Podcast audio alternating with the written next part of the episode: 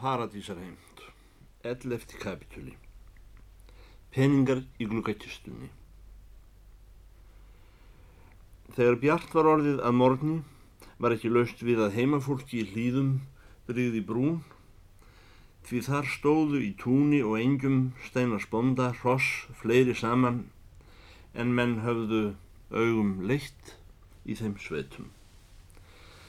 Var þar samankomið hið ágæðtasta stóð segja sumar sögur að í hlýðum hafi staðið 300 hross í högum þennan morgun, aðrir segja 400. Verið hafiði heldur votviðra samt upp á næstuna og jörðum var glúp.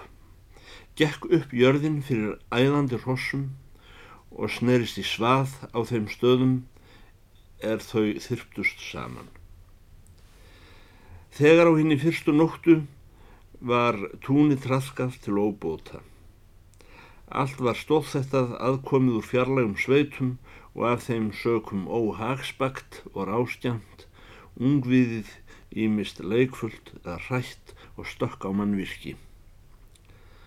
Hrundu mörg skörð þegar hérna fyrstu nótt í garda þá sem lagður höfðu verið af meisturum, legg fram af legg í hlýðum. Þegar stúlkan vaknaði um morgunin var hún einn í stofunni, ljóst var af degi. Hún var enn í pilskophanum sem hún hafi kastað yfir sig um nóttina.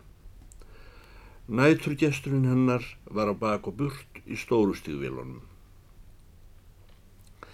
En þegar henni verður litið út um gluggan sér hún að tún og engjar og land þeirra allt er krökt af hrossum og sem hún er að furða sig á þessu reykur hún augun í rauðan pening í glukkakistunni.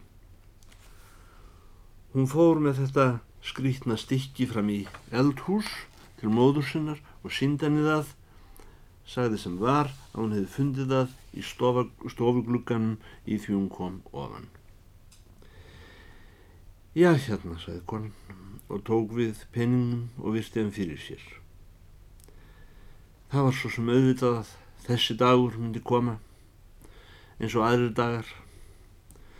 Þó held ég að frelsarinn myndi í lengstu lög hlýfa mér við því að handleika það jarðefni sem að steinar fadurinn sækist síst eftir. Þetta er nefnilega gull.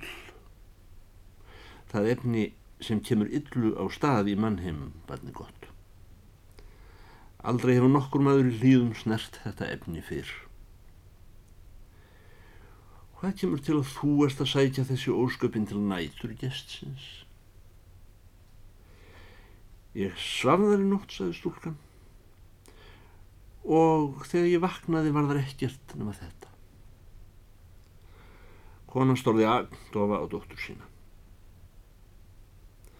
Þegar hún loks kom upp orði, talaði hún í þeim niðurbelda aðru tóni sem siður var hér á landi meðan menn enn trúðu því að sér hvað byði síns tíma.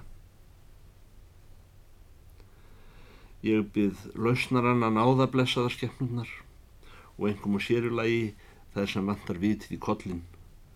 Var ég ekki búin að segja þér að litja á reyningstorfu út í skemmu bara. Það er líka hverju orði sannara, saði stúlkan. Ég skil ekkit í mér.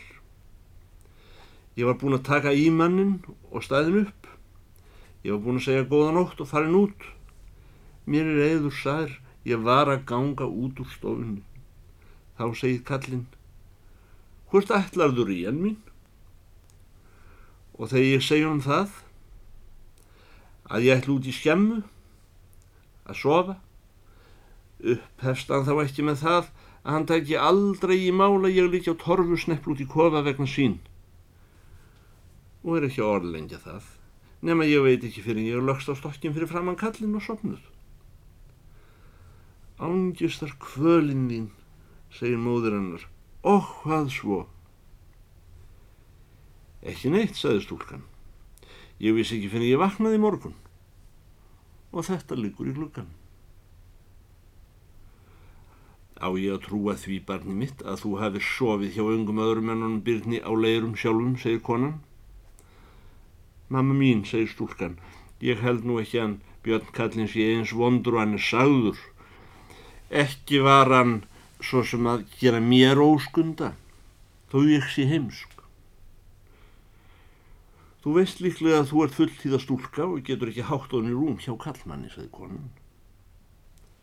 Ha, ég, segir stúlkan, og var þó ekki trútt um að þessi orð móður hennar kæmu ekki út á enn tárunum. Hvernig getur þú sagt sér svona við mig, mamma mín, þú sem veist betur en allir aðrir, nema kannski frelsarinn, að ég er ennþá krakkatetur og hugsa ekki um hana allan daginn en pápa minn og hvernig því stendur að hann skildi hafa farið burt auk þess háttaði ég ekki par. Hvað ert í miklu innan undir, segir konan. Ádatt mér ekki hug. Ef þið hefur ekki reynd grun í það áður garmskatnið hvar þú ert á vegi stöld, þá er komin tími til þú farir að hugsa um sjálfa þig eftir nóttinu nótt. Hvað hefur þá komið fyrir mig, mamma mín? Viltu segja mér það? Eins og þú hefur ekki kent Karlsins bann, segir konan. Ég er rétt svona fann að þarna var maður, segir stúlkan. Hann er nú svona stór og dígur eins og allir vita og ég orðin stór og dígur líka og rúmið vallan er maður rétt handa einn. Eitthvað hefur kallin líklega þröngt að þér, bann, segir konan. Vanir voru þeir því að minnstakosti á mínum dögum. Ég var komin að niðurföllum og sopnuðum leið, sagði stúlkan. Og kallin farin að skera hrút hana. Hvað að mér þröngdi eftir að ég var sopnuð, hvernig veit ég það? Það hefur held ég ekki verið mikið. Að minnst að kosti brá ég ekki blundi. Ekki einu sinni ég myndi kalla það martröð og vaknaði ekki finnir rétt núna á björnstum degi. Hvað ertu þá að handfjalla þennan gullpinning barn, spyr konan. Láta þessum tókstan. Þú eittir ekki að vera búin að gleima því að björn á leirum og síslumadurinn og sjálfur kongurinn buðu gull fyrir hann krapa okkar og kurjusvarðan pápið þinn. Það fannst heimafólki mestri furðugegna, þó ekki sendið að fjölirða um slíkt, að gestir síndu enga tilburði þess að taka sig upp úr næðurstað og halda áfram. Öðrun er, um morgunin bárust þeim vistir og annar útbúnaður á trúsahestum. Þeir sló upp tjaldi í haugarðinum. Það er ekki talin höfðingskapur á Íslandi að spyrja gesti hvað tefji þá. Þó fóru þeir ekki dullt með þeir væri að býða hér eftir fleiri hrossum. Kom nú í ljós að hrossakaupmenn voru öngrar kýrsúpu þurfi þó þeir hefðu látið svokvöldið áður sem þeir mundu lúta að smáu. Sönd gestal á í bastofu með söngfullum brjóstrótum fram eftir degi en aðri sátt á hlaðstjættum og drukku tóbak gegnum nefið úr treflöskum og hornum meðan þeir gáfu stóðinu auga. Einn og annar var vel drukkin. Sumir flengriðu fram og aftur um landareiknina að eldast við baldin trippi. Grannbændur voru komnir á stúfana hver hjá sér að verja lönd sín fyrir þessum stefnivarki áþekkum pláum sem yfir heiminn gengu í biblíunni. Rossakaupmenn fengu maðgunum kjöt og kornmat og létt þær sjóða sér súpur og baka bröð. Smjörhauður í öskjum. Þeir voru ósyngir við konuna ef þeir réttu henni kaffilús, brenda í pottumennar, þá aldrei minnin pund. Börnin máttu vaða í púðursíkri og danskum misosti. Hópar af hrossum voru sendir burt í eina átt úr annari bættust nýr í staðin. Nýr hrossa rekstusmenn bættust við og löðust í tjaldið og reykti, reyktu undir sig töðu úr heistæðunni en Víkingur Steinarsson var liður í hestastús og sendur í aðrar sveitir. Nokkrum dögum síðar kom Björn á leirum aftur. Það var liðið nær miðnætti og höfðu menn tekið á sig náður. Hvar er steina? kallaði hann út á hlaði. Konan stakk höfðinu út um skemmugáttina reyðubúin að vinna honum beina. Hann kist hann og rak hann inn aftur og sagðist vilja hafa ungar stúlkur. Það var bóndadóttir vakinn. Hún snerpti honum á súpum hánótt og líka þurfti að hitta kaffi síðan púns og loks taka í hann því hann hefði svamlað í jökulvötnum að vanda sínum. Þú glemdir gullpenningi á dögunum, sagði stúlkan. Það var gullpenningurinn þinnur í hann mín, sagði Björn á leirum, fyrir að taka í mig. Hann Pápi og hún, móðin mín, segja að gullpenningar sé upp af alls íls, sagði stúlkan. Takti mig aftur í hann mín, sagði Björn leirum og hló.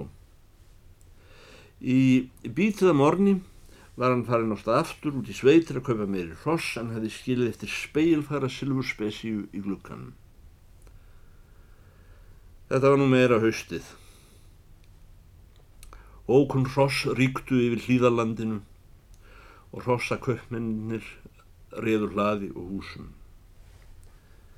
Gestarúmið í stofunni býður upp búið eftir byrna á leirum sem kemur stundum og stundum ekki. Ef hann kemur þá var það um hánætur og æfinlega votur upp úr jökulvötnum. Hvað er steina? Dóttir steina sér hlýðum má ekki frá honum víkja í vökunni svefni mann að stendur við og húsfræja móðir hennar er smám saman orðin andvara laus. Einhvern höstdag millir rétta meðan allt er enn í hershöndum þá verður svo tilbreytni í hlýðum að það rýður innan sveitargestur í hlað og gerir bóð fyrir húsfreyju. Það er bóndin í draungum eins og þrjár bæjarlauðir austar með fram hlýðunum. Það var svonur hans sem ekki kom á bak þeim gráa á lambafjalli um árið. Hún var bóðið til stofu. Þú mun kunna tíðindi kona góð, segir Geir í draungum. 600 hross nótt og dag, sagði konan, og við tvær skínlausar kvennskeppnur, aug drengstöylans, sem búður að leia til rekstra.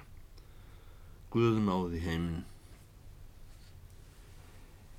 Ekki myndi ég nú kalla ykkur dömp kvikindi, sagði bóndi, en ögnum eiri skörungskapur væri mörgum von af húsfreyjum hér undir hlýðunum. Er ég ekki að segja þér við höfum hvorki vitni mál, saði konan. Við eigum ekki einu sinni hrossabrest. Hann steinar minn hefur aldrei viljað koma sér upp svo þann léttlætis áhaldi og hér á bænum hefur aldrei verið til neitt sem vit var í utan kollurinn á hann steinari. Slettir ekkurskapur hefur að vísu ekki verið talin til digða, saði bóndi og einum og sérkvarjum í sjálfsvald sett hversu hann fer með sjálfstegn sína. Allir sjá að hlýðajörðin er að snúast í flag sem verður sennlegt að græða. En svo er orsök minnar hér komu að ég hef hálfpartin veður af því að hann Jói minn hefði getað hugsað sér að fara hingað og hitt hana steinur lillu dóttur okkar að máli einhvern tíminnum tíðina. Mér var að dett í huga að einhver ykkur velviljaður talaði við síslumann ef vera að kynni að hann gæti með lagana sverði komið til leiðar einhverji linan á þessari remmingu þér að segja granni minn saði húsfreyja þá er nú svo vaksin mál að hann sem rekur trippin hafði með sér vittni upp á það að rekið væri að ráði bóndan sér í hlýðum hann steinarsmins svo ég verða að næjast með að trúa því að sá sem hefur skapað júrtirnar láti grasið vaksa einhvern tíma aftur hér í hlýðum. Ekki er samt lagharað eiga góðan granna og verið velkomnir drangsfeðgar og því fyrr því betur hvort sem er á nóttið að degi. Í því er geir bóndi stendur upp og býst til að fara verður honum lítið til gluggans og sér peninga í gluggakistunni. Þar var eitt mikil gullpenningur enskur og margir speilfæðar, silfur, hlungar, danskir. Það vilðist hafa hlaupið á snærið ykkur hér í hlýðum, segi Geir Bondi. Hann björn kallin á leirum skilur æfinlega eitthvað eftir á mótnan áður hann fer, segir konan. En við hér í hlýðum höfum aldrei lært á peninga, þórum ekki einu svona að koma við þá. Hann ætlast víst til þess, kall áltinn, að hún sveina mín hyrði þetta sér til gottgjörelsis fyrir að hún tekur í hann. Sömur hans gerðin þó við látum það liggja. Björn, sagði stúlkan nóttin og eftir, þar sem hún lá á njánum í stofunni og dró kaldan, forar dammin af ferðamanni þeim sem var flestum mönnum gjarnar eða sundrið og jökulvöld. Það er einlegt gullpenningur þannig glukkan. Bjóstuðu öðru, sagði hann, gull er handa meðjum. Það gefur maður sömu konu eftir neða með einu sinni. Nú eru komin þessi ósköpa silfurpennum til viðbótar, segir stúlkan. Við mamma erum hrettar við þetta. Hvað hefum við að segja við hann pápa þegar hann kemur? Silfur er handa lagskonum, saði Björn á leiðurum og hló. Fánóttum síðar vaknar stúlkan í gestarúminu, einn morgun, stígur fram úr, lítur út um gluggan og sér að snjór er yfir allt. Það voru fyrstu snjóar. Þetta var nær vetunóttum.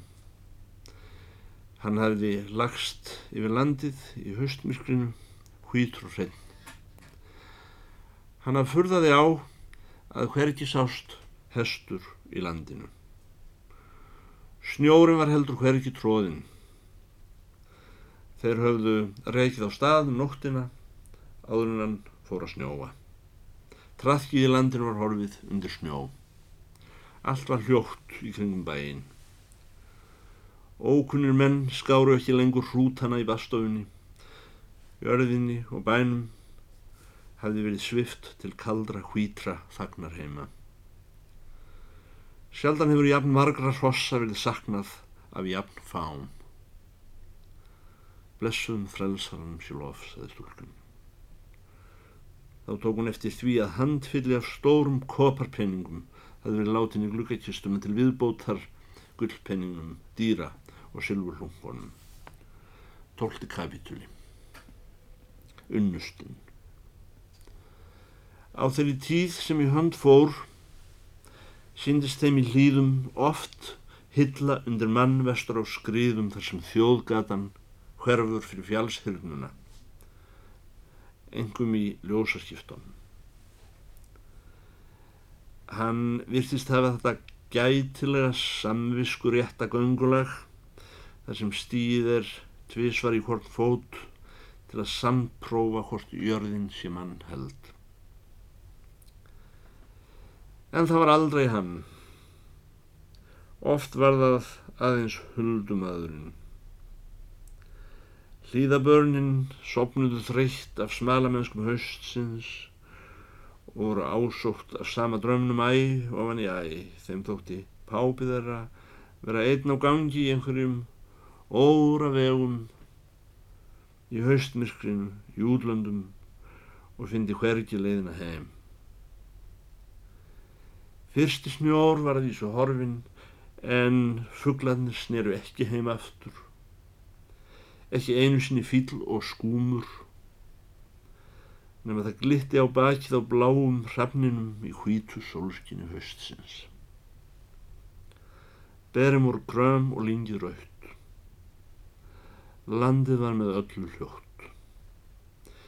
Híminn var líka hljóður. Það var farin að frjósa á nóttunni. Tróðinn, hlaðvarpinn, umturnað engið allt var orðið að hörsli. Nú var liðið fram yfir vetrunætur og síðasta haustskip komið til landsins. Grjótið hrundi ón úr fjallinu á nóttinni.